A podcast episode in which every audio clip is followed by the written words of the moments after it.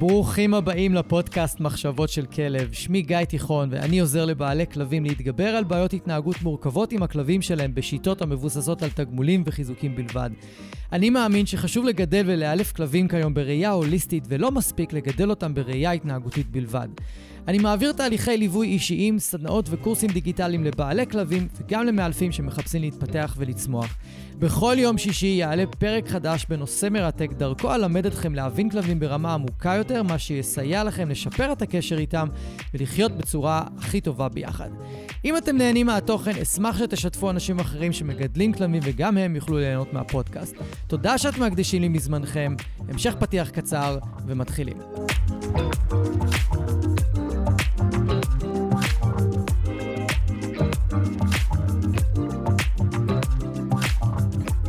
דמיינו רגע שהילד שלכם מנסה לסדר את החדר שלו.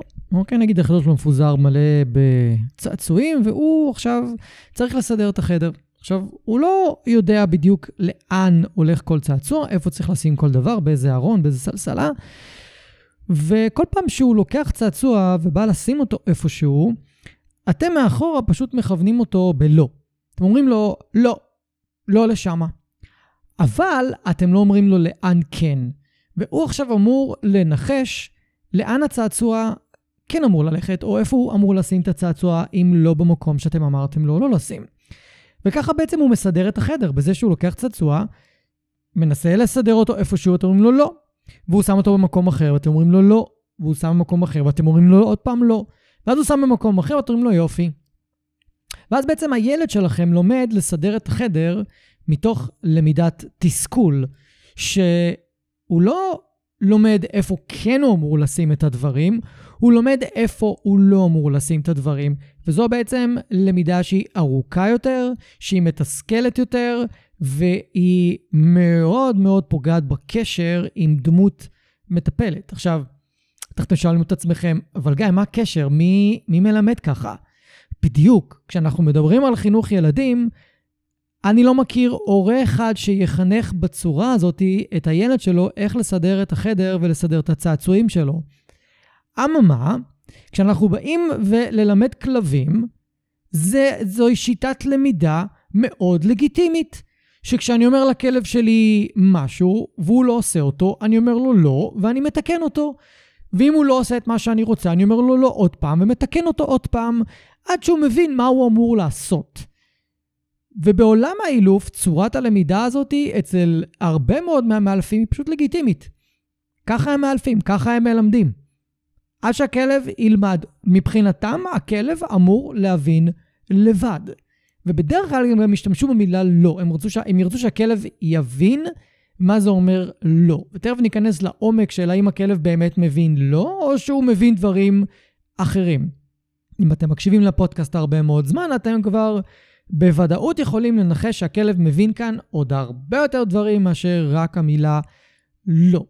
עכשיו, לגבי הילד שמסדר את החדר שלו, אני בטוח שאתם תסכימו איתי שהדרך הנכונה, היעילה, הקצרה והכי מהנה ללמידה היא, בוא חמוד, בוא נעשה את זה ביחד, אני אראה לך איפה כל צעצוע הולך, כדי שאתה תדע לסדר את זה להבא. הכוונה היא זה שמראים לילד מה הוא אמור לעשות, מוודאים שהוא מבין, שהוא וגם זוכר, לא רק מבין, גם עניין של זיכרון. ורק אז מצפים שהוא ידע לסדר את החדר שלו לבד. וגם אז, לא תמיד הוא יזכור בדיוק לאן כל צעצוע הולך, נכון? אני בטוח ש... אה, סליחה, קצת שיימינג לגברים פה, אבל מה לעשות? אבל נכון, קורה הרבה פעמים שאתם שואלים את הבת זוג שלכם, או אתם בתור בנות זוג נשאלות על אה, איפה שמנו את הדבר הזה, או איפה הדבר הזה נמצא, במיוחד במטבח. או איפה שמת את הדבר הזה וזה, למרות שכבר הראיתם כמה וכמה פעמים, איכשהו זה לא נקלט, נכון? ועדיין יש לנו בתור בני אדם איזושהי ציפייה מופרכת מהכלבים שלנו לזכור כל דבר שאמרנו, כל דבר שלימדנו, ומצפים מהם לזכור את זה במעט מאוד חזרות. אנחנו מצפים מהכלבים שלנו לדברים שאנחנו לא מצפים מעצמנו, או אנחנו מצפים מהכלבים שלנו דברים שאנחנו מצפים מאנשים אחרים, ואז אנחנו מגלים שאנשים אחרים לא מצליחים לעמוד בציפיות האלה ואנחנו מתעצבנים עליהם. ככה קורה גם עם כלבים. אז הפרק היום, אחרי הקדמה מאוד מאוד ארוכה, והיה לי חשוב להמחיש לכם את הנקודה הזאת, כי היא מאוד מאוד קריטית במערכת יחסים בין כלב לאדם, ובציפיות שלנו מהם, ובאופן כללי, ממה נהיה מגידול כלבים. זה לפעמים אותי בתור מאלף כלבים, שבא ומלווה אנשים ומייעץ להם ועוזר להם. אני ממש לפעמים צריך לעשות את ההפרדה בין חברים, זו בעיה התנהגותית שצריך לטפל בה, וזה פשוט לגדל כלב. יש דברים שבאים יחד עם גידול כלב, והם לא תמיד נוחים. ואנחנו צריכים ללמוד לקבל את זה.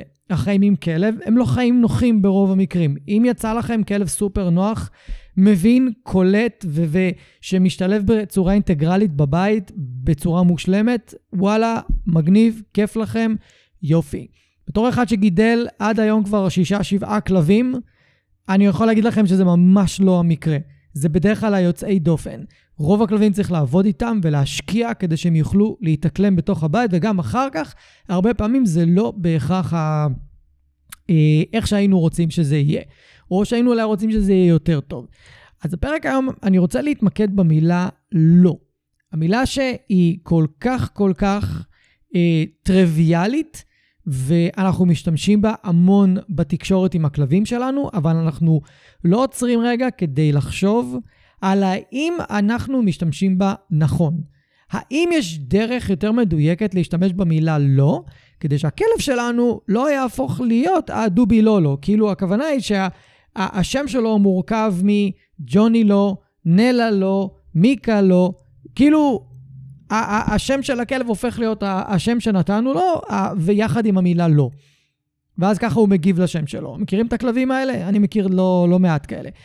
אז יש דרכים להשתמש במילה לא, ויש אה, חוקים, ואנחנו נעבור עליהם כאן היום, כי יש לא מעט אנשים שחוץ מזה שהם הפכו את הלא להיות השם השני של הכלב שלהם, הם הפכו את המילה לא להיות מילה מאיימת, להיות מילה מורעלת, להיות מילה שמנבט לכלב שעכשיו הוא לא יהיה בטוח, עכשיו הולך לבוא איזשהו עונש, עכשיו הולך לקרות משהו לא נעים.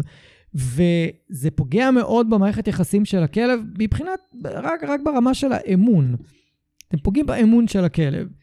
ואני רוצה לעשות איזושהי הפרדה רגע, לפני שאני אתקדם. יש את האפשרות להשתמש במילה לא כחלק מחינוך או תקשורת, ויש להשתמש במילה לא כאקט חירום, שהכלב פתאום רץ לכביש שאתם צורכים עליו לא, בסדר, זה משהו אחר. כל החירום לא נכלל בתוך כל השיח שהולך להיות בתוך הפרק הזה עכשיו, אלא זה אה, איזושהי תגובה אינסטינקטיבית, טבעית שלכם. אה, יכול לצאת לכם לא, יכול לצאת לכם היי, hey, יכול לצאת לכם כל מיני קולות במצבי חירום, אני מפריד אותם, אוקיי? Okay? אנחנו נדבר היום על לא כמילה או אות או דרך לתקשר עם הכלב ביום-יום. עכשיו, אפשר לדבר על המילה הזאת ולעשות עליה דיון, האם היא נחוצה בכלל? יש מאלפים ומטפלים התנהגותיים בעולם, במיוחד מאלפי פורספרי, אני חושב שאולי אפילו רק, שיגידו שאין טעם להשתמש במילה לא. היא אומרת לכלב מה לא לעשות, היא לא אומרת לו מה כן לעשות, ובכל מקרה, אחרי שתגידו לכלב לא, אתם חייבים להגיד לו מה כן. תחזרו לדוגמה שנתתי על ילד. אוקיי? אם אני רוצה למנוע מהכלב שלי למידת תסכול, סביב המילה לא, אני חייב להגיד לו מה כן. אמרתי לו, אוקיי, זה אסור לך, זה אני לא רוצה שתעשה, אני רוצה שתעשה את זה במקום. נגיד אתם קולטים את הכלב בא לעלות על הספה ואתם לא רוצים שהוא יעלה על הספה. אז אתם אומרים לו לא, והוא מסתכל עליכם, מסתכל על הספה, מסתכל עליכם, אתם חייבים להגיד לו מה כן. אתם חייבים להגיד לו ללכת למקום שלו, אתם חייבים להגיד לו לבוא אליכם, חייבים להגיד לו משהו. אתם לא יכולים להשאיר אותו במונח שנקרא ואקום התנהגותי, שאומרים לו על משהו אחד, אל תעשה, אבל הוא לא יודע מה הוא יכול לעשות במקום. כי הוא רוצה לעלות על הספה כי היא נוחה, ונעים לו שמה, ואולי חמים לו שמה בחורף, ואין לו מקום אחר לעשות את זה. ואתם לא מאפשרים לו מקום אחר אולי. או שאולי הוא לא אוהב את המיטה שלו, או שהיא ממוקמת במקום לא, לא מספיק טוב. אולי הוא רוצה לשכב קרוב אליכם והמיטה מרוחקת מכם. יכולות להיות מלא סיבות למה הוא לא יבחר ללכת למקום שלו, אוקיי? אז אם, בגלל זה הדיון סביב המילה לא, האם היא נחוצה כן או לא, הוא דיון שלחלוטין אפשר לדבר עליו עד אינסוף, ואני לא הולך להיכנס עליו. מהסיבה הפשוטה שרוב האנשים שאני פוגש שמגדלים כלבים משתמשים במילה לא באופן אינסטינקטיבי, אינטואיטיבי, זה פשוט יוצא מהם בלי יותר מדי מחשבה. ולכן אני לא מנסה לחנך אנשים לא להשתמש במילה הזאת, אלא אני יותר רוצה ללמד אתכם להפחית את השימוש בה ולדייק את השימוש בה, כדי שלמנוע מהכלב שלכם תסכול, ולמנוע מכם תסכול שהכלב שלכם מתוסכל ואז הוא מתנהג הרבה פחות טוב ואתם לא מצליחים לתקשר איתו או להבהיר לו מה, מה אתם רוצים ואיך אתם רוצים שהוא יתנהג. אז בעיניי יש פשוט מקום לדייק את השימוש במילה לא. אחת הדוגמאות שאני גם מאוד אוהב לתת לאנשים מבוגרים סביב המילה לא, אני לא זוכר מאיפה שמעתי את הדוגמה, אבל היא, היא ממש מצוינת. דמיינו רגע שנכנסתם למונית, ואתם רוצים להגיע ליעד מסוים, אוקיי?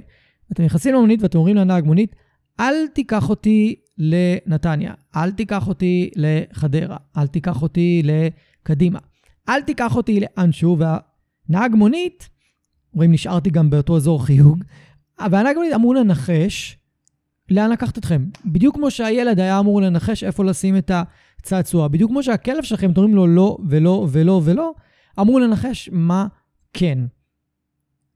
אם אתם מדמיינים שיחה כזאת עם נהג מונית, הוא תוך שלוש פעמים הוא, הוא מתעצבן עליכם, והוא יהיה חסר סבלנות אליכם, ויגיד לכם, מה נסגר איתכם? תגידו לי כבר לאן אתם רוצים להגיע, תגידו לי מה כן.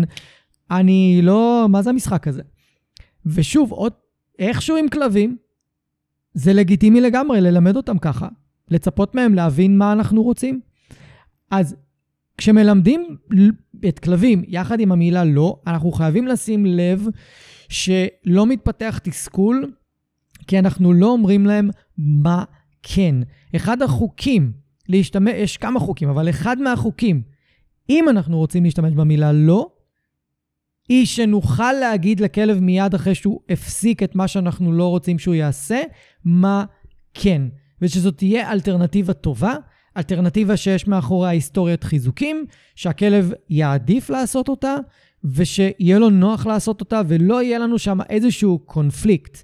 כי למשל, יצא לי לראות כלבים שאמרו להם לא על דבר אחד, ואז אמרו להם על משהו אחר, טוב, תעשה את זה במקום. אבל הכלב לא אוהב לעשות את מה שאמרו לו לעשות, או שהוא מפחד לעשות את מה שאמרו לו לעשות, כי לימדו אותו מתוך פחד. זאת אומרת שהעבירו אותו ממצב של קונפליקט אחד, של אל תעשה את זה, למצב של קונפליקט אחר של תעשה את זה, אבל הכלב לא רוצה, או שהוא מפחד, או שיש לו בעיה לעשות את זה. או שהוא לא למד מספיק טוב את מה אנחנו רוצים ממנו.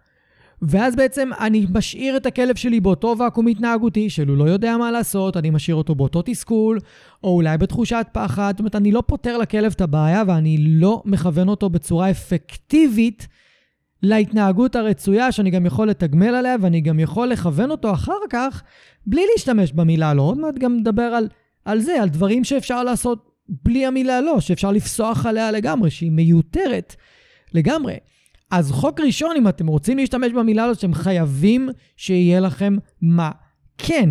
וזה חוזר תמיד לאותה נקודה, שאם אני רוצה שהכלב שלי ילמד התנהגות מסוימת ויעשה אותה כמו שצריך, זה חייב ללמד באמצעות חיזוקים. אני לא יכול ללמד באמצעות ענישה. ענישה לא נועדה ללמד התנהגויות. היא לא. ענישה נועדה לעצור, היא נועדה לצמצם התנהגות, היא לא נועדה ללמד.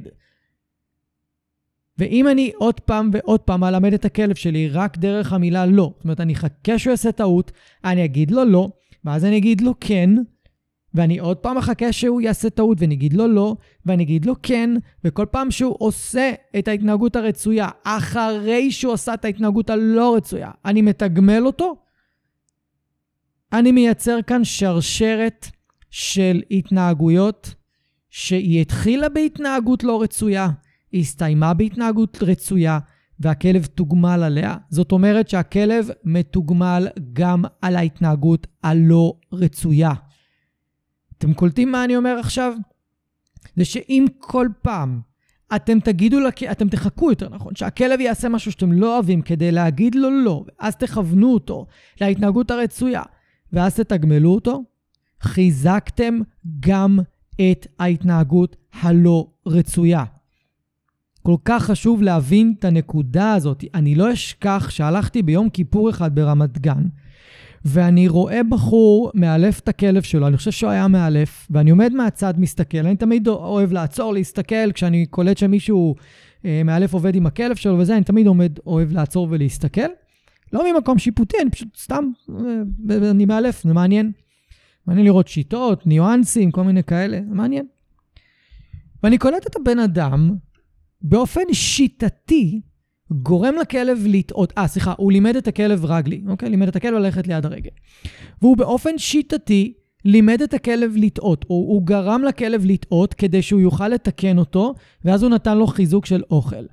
זאת אומרת, ככה במשך חמש דקות אני עמדתי ואני הסתכלתי, אני רואה את הבן אדם גורם לכלב לטעות, ואז מתגמל אותו על ההתנהגות הרצויה. גורם לכלב לטעות ומתגמל על ההתנהגות הרצויה. באיזשהו שלב אני רואה את הכלב, אפילו לא מחכה שהבן אדם יגרום לו לטעות, הכלב מתנהג או עושה את הטעות באופן עצמאי עוד לפני שהבן אדם בכלל אה, גרם לו לטעות. עכשיו, מה, מה, איך אני יודע שזה קורה?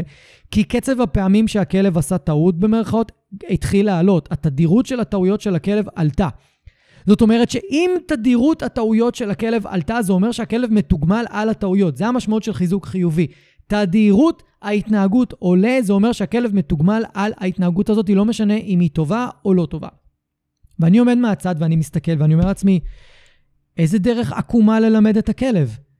למה פשוט לא ללמד אותו שמשתלם להישאר ליד הרגל, ואם הכלב עושה טעות, אז קודם כל אני צריך לבדוק את עצמי, איך אני מלמד, לפני שאני מתקן את הכלב, כי גם הבחור לא, לא לימד את הכלב בצורה שבעיניי הייתה מספיק מדויקת. אני יכולתי לחשוב על דרכים, לפחות כמה דרכים יותר מדויקות ללמד את הכלב, שהוא יטעה פחות ויהיה לו יותר נעים, והוא יחווה פחות תיקונים. זה מההסתכלות שלי. אבל מה שהיה מדהים לראות זה את הכלב עושה יותר ויותר טעויות. מה שאומר שהוא תוגמל על הטעויות האלה. וזו הייתה מבחינתי דוגמה ממש ממש ממש טובה, שהלוואי בזמנו שהייתי יכול אה, לצלם אותה. אז זה חיסרון אחד מאוד גדול של המילה לא, שאפשר ממש ליפול שם למלכודת, שמתגמלים בטעות גם את מה שהכלב לא אמור לעשות. החוק השני, כדי שיהיה אפשר להשתמש במילה לא, זה שאנחנו לא יכולים להשתמש במילה הזאת לכל דבר. זאת הטעות הכי נפוצה. הכלב קופץ, אומרים לו לא. הוא עולה על הספה, אומרים לו לא. הוא לוקח אוכל מהשיש, אומרים לו לא. הוא מושך בטיול, אומרים לו לא. הוא נובח, אומרים לו לא. כאילו, הכלב לא מבין בכלל מה הוא אמור לעשות כשהוא שומע את המילה לא, כי היא מפוזרת על כל כך הרבה דברים. עכשיו, למה זה בעיה? כי כלבים הם יצורים ספציפיים. אם אני צריך להקביל את זה לאיזשהו אות אחר, של נגיד התנהגות בסיסית, אז אתם לא מצפים שהכלב שלכם ידע שב, ואז יבין לפי הסיטואציה מה הוא אמור לעשות בשב. זה פעם לשכב, זה פעם לבוא אליכם, זה פעם לשים טוסיק על הרצפה, זה פעם ללכת למקום שלו. לא. שב זה רק לשים טוסיק על הרצפה. ארצה זה לשכב עם הבטן על הרצפה. אליי זה לבוא אליכם, ללכת למקום זה ללכת למקום שלו. כל מילה יש לה התנהגות ספציפית. אתם לא מצפים שה... להשתמש במילה אחת, ושהכלב יבין מה הוא אמור לעשות לפי המילה הזאת, לפי הסיטואציה. וזו אחת הבעיות הכי גדולות עם המילה לא. שרוב האנשים מצפים שהכלב יבין מה הוא אמור לעשות בתוך סיטואציה כשהם משתמשים במילה הזאת במגוון רחב מדי של סיטואציות. צריך להיות סיטואציה אחת, משהו אחד. משהו אחד בלבד. זה יכול להיות על קפיצות, זה יכול להיות על לא לקחת אוכל, זה יכול להיות על נביחות, על מה שאתם רוצים. תבחרו דבר אחד, התנהגות אחת. וגם ככה, החוק הקודם הוא שצריך להגיד לכלב מה כן, anyways. עכשיו, בנקודה הזאת, הרבה אנשים אומרים לי, אבל גיא, מה, מה לגבי שאר הסיטואציות? שאר הסיטואציות, ברובן, לא צריך להגיד לכלב לא, אפשר להשתמש בדרכים אחרות, תכף נדבר עליהן. אבל יש עוד מילים בשפה העברית חוץ מלא. יש די, יש מספיק, יש אסור, יש פוי, או לא חייבים לקחת מילים שליליות. זה יכול להיות מילים קצת יותר חיוביות או יותר ניטרליות, כמו חכה, כמו שקט, כמו רגע, כמו שנייה, כמו תמתין, כמו כל מילה אחרת שהיא תהיה ניטרלית ותהיה הרבה יותר נעימה. אתם יכולים לבחור מה שאתם רוצים. עכשיו בואו נדבר על איך מלמדים את המילה לא. בואו נדבר על איך מלמדים אותה ברוב המקומות, או איך ימליצו לכם ללמד ברוב הפעמים. יגידו לכם, לחכות שהכלב יעשה משהו שאתם לא רוצים, ואז להגיד לו לא, אז כמעט תמיד ללוות את הלא בשפת גוף מאיימת, או תיקון ברצועה, איזשהו עונש. זה יכול להיות לרחון מעל הכלב, לנעוץ בו מבט, לנופף עליו עם אצבע, להרים עליו את הקול, לזרוק עליו משהו, לרשרש בפחית רעש, אה, לתקן עם הרצועה. כמעט תמיד יגידו לכם לקשר את המילה לא למשהו שכלב לא אוהב. אז זאת אומרת שהכלב לא אומר לעצמו, אה, ah, אמרו לי לא, אז אני לא אעשה את ההתנהגות הזאת, אני אחכה שיגידו לי מה כן, אני אעשה את ההתנהגות, את ההתנהגות שהם יגידו לי. זה לא מה שהכלב מבין. בסופו של דבר הכלב אומר לעצמו, אה, רגע, אמרו לי לא, אני צריך להיזהר עכשיו, כי אם אני לא אעצור, הולך להיות לי לא נעים. הולכים לזרוק עליי משהו, הולכים להכאיב לי, הולכים לצעוק עליי, הולכים לאיים עליי, להפחיד אותי, הולך להיות לי לא בטוח ולא נעים, אז אני אעצור את ההתנהגות שלי. ואז עוד פעם אנחנו נכנסים כאן למפולת של אה, התנהגויות, או מה שנקרא מפולת רגשית, שאנחנו רוצים ומעדיפים להימנע ממנה. אנחנו לא רוצים שבכל סיטואציה פשוטה, קלילה של יום-יום, כמו לעלות לספה, כמו לגנוב אוכל מהשיש, כמו נביחה, שכלב ירגיש מאוים מהאנשים שחיים איתו בבית. אבל אגב, אם אתם לא תעשו את זה, ותגידו לכלב סתם לא, הוא לא יגיב. הוא לא, הוא לא יגיב, הוא לא יפסיק לעשות את מה שהוא עושה, כי אין שום דבר מאיים. לכן הרבה פעמים המילה לא, אם לא, אם לא עובדים איתה בצורה הזאת, היא פשוט לא אפקטיבית. היא פשוט נהיית רעש רקע עבור הכלב. הוא אומר לעצמו, אה, הנה עוד פעם המילה הזאת שאני לא יודע מה אני אמור לעשות איתה, אז אני פשוט אתעלם ממנה. אני שומע אותה הרבה ואין לי מושג מה אני אמור לעשות איתה. ואז זה מה שגורם לאנשים להגיד, אה, הכלב לא מבין. או, הוא לא למד. עכשיו, אני בגישה שלי לא הולך לקשר לכלב את המילה לא למשהו מפחיד, משהו לא נעים. אני לא רוצה לעשות את זה, אני מעדיף ללמד את הכלב בדרכים אחרות. אז אני אבחר מה הפעולה שאני לא רוצה שהכלב שלי יעשה, כשאני אומר לו את הלא, ואני אקשר את הפעולה הזאת ללא. אם אני רוצה שהכלב שלי לא יקפוץ עליי, אז אני חייב לקשר את הלא לאי קפיצה. ואז עוד פעם, הדיו, נפתח הדיון מחדש של, אוקיי, אז תגיד לו כבר שב, במקום להגיד לו לא על זה שהוא בא לקפוץ. שזה נכון, שתי האופציות אפשריות. יש אנשים שהם כל כך, הלא כל כך אינסטינקטיבי אצלם, שהם צריכים להגיד את הלא קודם, ואז להיזכר שהם צריכים להגיד לכלב מה כן. וזה בסדר, אפשר לעבוד ככה.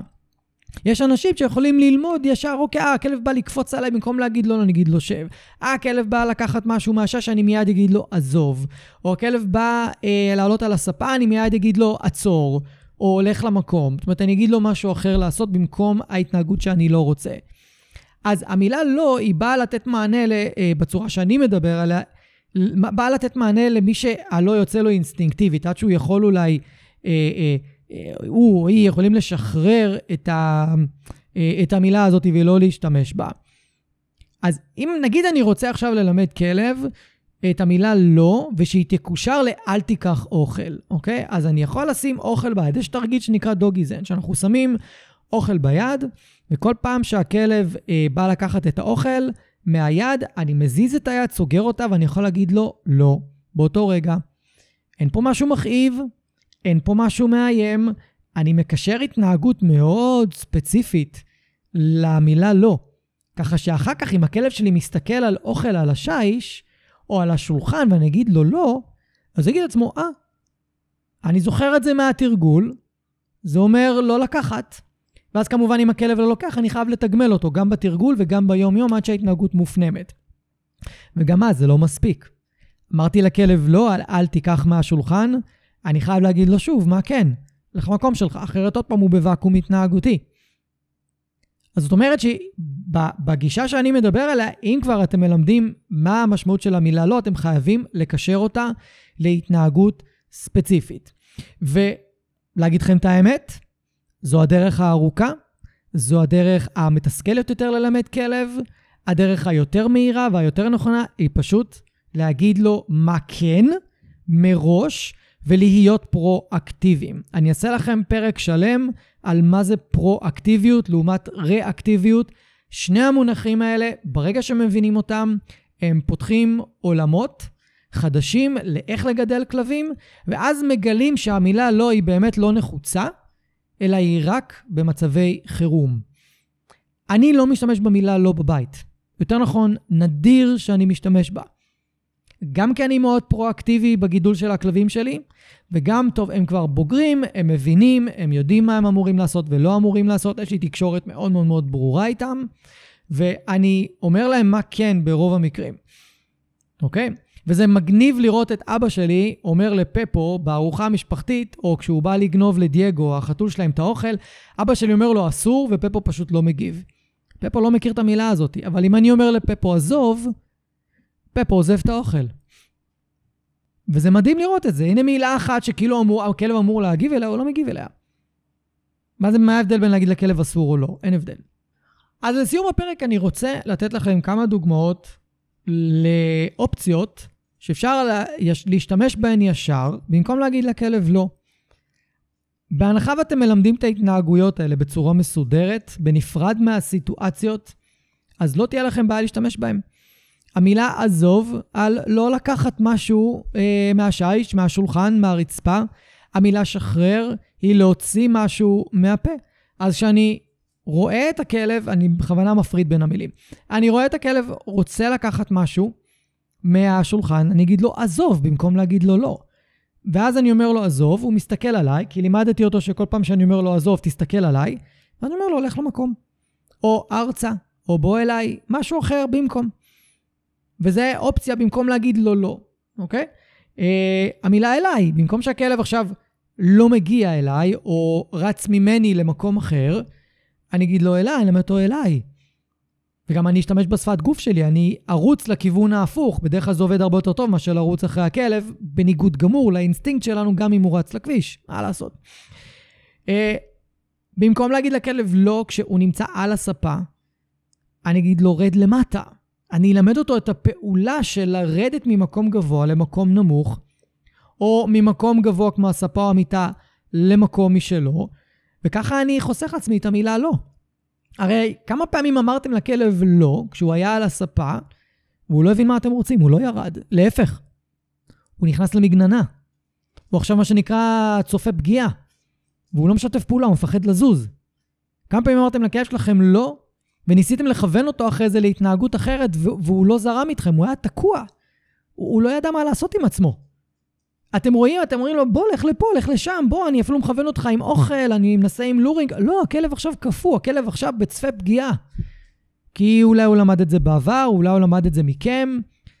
אני יכול לראות את זה המון אצל כלבים שאומצו בגיל מאוחר, ואומרים להם את המילה לא, והם בשאט דאון, הם, הם נחבים, הם מסתכלים עכשיו על, על הסביבה שלהם, והם הם סוג של מסתכלים עלינו, אוקיי, מי הולך לתת לי את הבומבה, מי הולך להחטיף לי, מי הולך לתקן אותי, ממש רואים את זה על המבט שלהם. זה מדהים לראות את זה, ואז אנחנו אומרים, אוקיי, אין יותר את המילה לא, אי אפשר להשתמש בה. היא מורעלת, היא שרופה. אנחנו צריכים מילים אחרות.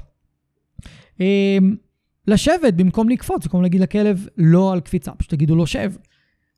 תעבדו איתו על, על ארבע רגליים על הרצפה, תעבדו איתו על ארצה, תעבדו איתו על דברים אחרים, תהפכו את ההתנהגויות האחרות להיות הרבה יותר אה, רלוונטיות, או אם הוא קופץ עליכם כשאתם חוזרים מהבית, תנתבו אותו למשחק, תנתבו אותו למשחק ריכוז, למשחק נשיכה, למשהו אחר.